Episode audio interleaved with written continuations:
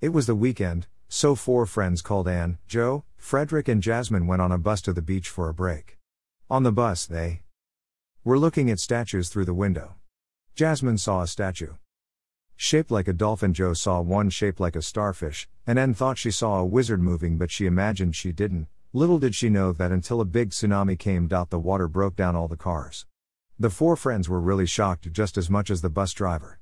Suddenly, the bus started filling up with water, the four friends were absolutely terrified and wanted help.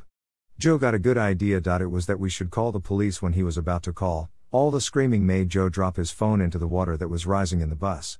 Luckily, Frederick knew this was going to happen. He was quite the clever clogs. He brought out a waterproof phone and called the police. When the police arrived, the wizard saw the police and put them to sleep.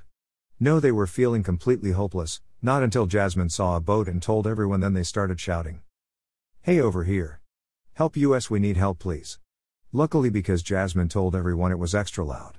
There was a man on the boat and managed to swoop the magic wand out of the wizard's hands.